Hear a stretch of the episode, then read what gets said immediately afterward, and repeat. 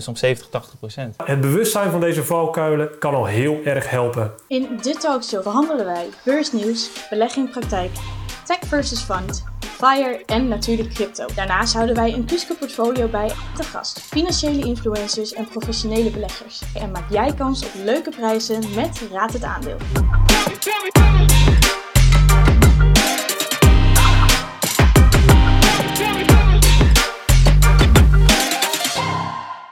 Jordi Beuving van de aandeelhouder geeft jou een update van de beurs. Swingtrader Jordi van der Pas geeft zijn psychologische kijk op beleggen. Tot slot maak je kans op het boek Common Stocks and Uncommon Profits van Philip Fisher bij Raad het Aandeel. Beursnieuws. We beginnen deze talkshow natuurlijk met wat beursnieuws. En Jordi Beuving van de aandeelhouder, die gaat jou alles vertellen over het afgelopen jaar, maar ook de vooruitzichten voor het komende jaar. Ja, 2021 was een ontzettend goed beursjaar. We zien dat een heleboel aandelen hebben ontzettend veel rendement opgeleverd. S&P 500, de belangrijke Amerikaanse beursindex, heeft 27% rendement opgeleverd. Nasdaq 100, de technologie-index van de VS, heeft ook 27% rendement opgeleverd. Uh, we zien ook dat onze eigen AEX, de Nederlandse index, die uh, heeft ook 30% bijna opgeleverd ja, dat is gewoon, op één jaar is dat ongekend. Dat is ontzettend veel. Ja, super netjes. En nou ja, voor de kijkers natuurlijk, wat zijn de best scorende aandelen? Nou, de best scorende aandelen afgelopen jaar, uh, de big tech aandelen. Grote technologiebedrijven zoals Apple, Microsoft en uh, ja, Alphabet, het moederbedrijf van Google. En we zien ook dat uh, met name chip aandelen een hele goede performance hebben gehad. Bedrijven zoals ASML, AMD, Nvidia, Applied Materials. Heel veel rendement ook opgeleverd, echt soms 70, 80 procent. Oh, dat is aardig veel inderdaad. maar hoe komt dat dan? Nou, met name omdat de afgelopen jaar uh, sprake was van een enorm chiptekort. Het is best wel lastig om een uh, chip te maken. Het is heel duur. En er zijn niet zo heel veel bedrijven die chips kunnen maken, ook in de wereld. Dus je ziet dat uh, ja, die bedrijven maken ontzettend veel winst nou. En de vooruitzichten zijn hartstikke positief. Vooruitblik voor 2022, Jordi? Ja, tuurlijk. 2022 zullen nog steeds een aantal thema's die afgelopen jaar belangrijk zijn, die zullen nog steeds belangrijk zijn. denk aan de problemen in de supply chain. Ik zei het net al bijvoorbeeld het chiptekort.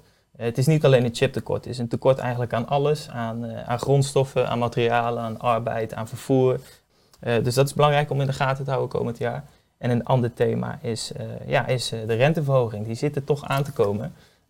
Ja, de Federal Reserve heeft al gezegd van ja, 2022 gaan we die rente toch echt omhoog gooien. Nou, aan het begin van de coronacrisis 2020, februari, maart, zijn centrale banken begonnen met het stimuleren van de economie. Omdat natuurlijk ja, crisis, onzekerheid, ja, wat doen ze dan? Dan verlagen ze de rente, zodat het goedkoper wordt om geld te lenen.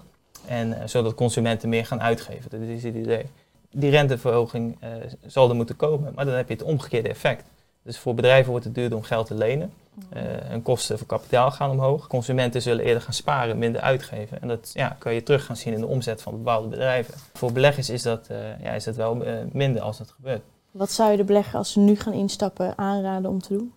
Uh, nou, zoals ik al zei, de aandelenmarkten zijn ontzettend hard opgelopen afgelopen jaar. En we zien wel dat uh, bepaalde sectoren, bepaalde aandelen, uh, technologieaandelen, groeiaandelen, die hebben gewoon een, een pittig prijskaartje. Je hebt enorme waarderingen. Je betaalt echt -hmm. gewoon de hoofdprijs voor, voor die aandelen.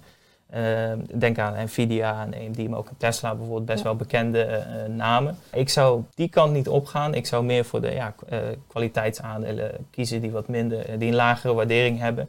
En ja, waar je op de lange termijn gewoon wel ja, goed bij zit. Gewoon steady uh, aan. Ja, inderdaad. Ja. Nou, super. Heel erg bedankt, Jordi. Psychologie. Hallo, mijn naam is Jordi van der Pas en ik licht graag de Holy Grail toe met betrekking tot beleggen vanuit mijn achtergrond in de psychologie. Wat ik zie, en in eerste instantie mezelf er behoorlijk schuldig aan heb gemaakt, is dat mensen geneigd zijn een Holy Grail te zoeken, oftewel een een of ander geheim systeem wat het allerbeste werkt met betrekking tot beleggen en of de streden. En het gekke is dat mensen dit vooral zoeken in bepaalde gekke ratio's om een fundamentele analyse te doen of de beste setup aan de hand van een technische analyse of een bepaalde super indicator. Echter ben ik ervan overtuigd dat de Holy Grail letterlijk en figuurlijk tussen je oren zit. Oftewel, dat ben jij zelf. Met mijn achtergrond heb ik ook aardig wat naar mezelf gekeken tijdens mijn tradingcarrière. En het is ongelooflijk om te zien hoeveel je wordt geconfronteerd met vooral jezelf. Dit komt omdat er een hele hoop psychologie bij komt kijken. Beleggen en vooral traden is namelijk een van de weinige beroepen waarbij je alles volgens het boekje kunt doen, maar alsnog geld kunt verliezen. En verliezen heeft al snel een negatieve impact op ons beslissingsproces. Het is zelfs zo dat we in rouw kunnen gaan na het verliezen van een aanzienlijk bedrag. Dus er komen bewust of onbewust heel wat emoties bij kijken. En ik roep altijd: hoe hoger de emotie, hoe lager de intelligentie. Uit studies blijkt dan ook dat emotioneel gezien 100 euro verliezen meer met ons brein doet dan 200 euro winnen. En dit zorgt ervoor dat we dus een sterke neiging hebben om verlies te vermijden. Dus een loss aversion hebben. Maar het gekke is dat juist mede door dit gegeven we ons schuldig gaan maken aan gedrag wat de kans op verliezen eigenlijk alleen maar groter maakt. Voorbeeld is als je ziet dat iemand een casino binnengaat. Als je aan het begin van de avond naar binnen gaat, hebben mensen de neiging om hun fiches heel voorzichtig aan de roulette tafel uit te geven en proberen ze eigenlijk zo langzaam mogelijk geld te verliezen. Maar aan het einde van de avond, met nog maar een paar fiches op zak, hebben ze de neiging ineens om echt risicovolle gokken te nemen. Dus mensen verschuiven van risicomijdend gedrag aan het begin van de avond, als ze nog veel geld hebben, naar, als ze dat geld hebben verloren, risicozoekend gedrag, omdat ze proberen het verloren geld terug te krijgen. We zien in dit proces dat hetzelfde is bij beleggingen.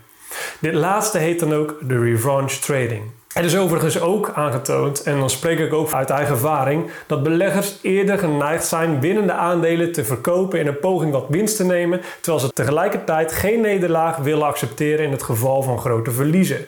Waardoor je winnende trades klein blijven en je verliezende trades veel te groot laat worden met de gedachte: ah, het komt wel goed. Nog een reden waarom we vaak verkeerde beslissingen maken.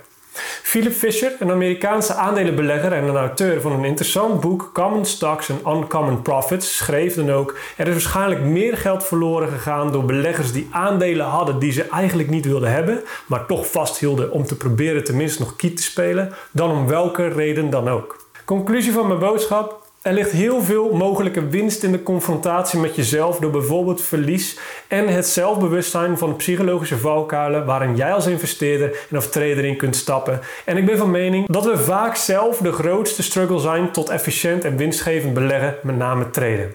Nou, ik heb geen tijd in deze video met tips te komen, maar het bewustzijn van deze valkuilen kan al heel erg helpen. Dus ik hoop dat ik met deze korte video je heb kunnen aansporen om hier meer aandacht aan te besteden. Fijne dag.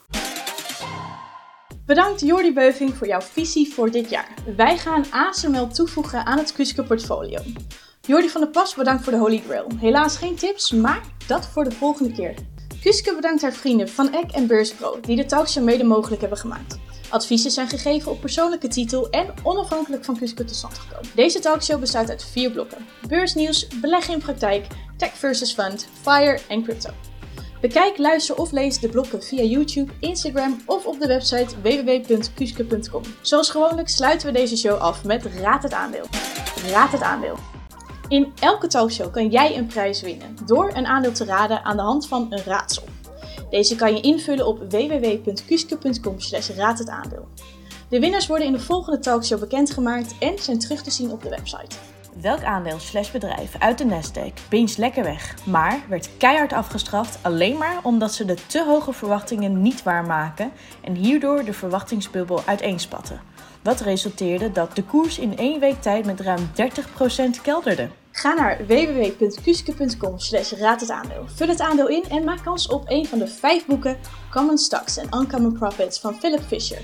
De aanrader van de succesvolle swingtrader Jordi van der Pas en Warren Buffett. Wekelijks een nieuw item. What's up next? Een exclusief interview met Martijn Roosemuller, CEO van Vanek Europe. Beleggers Academy leg je uit wat een ETF is. Edgar de Haas van Trading Strategy analyseert Just Eat Takeaway. Raoul Esserban van CryptoTakkies deelt zijn heldere kijk op de cryptowereld. En Roy, Kuske Volger, deelt zijn ervaring. Daarnaast deel ik, Sita Sjengedu, hoe jij jouw portfolio kan indelen en wat persoonlijke financiën zijn.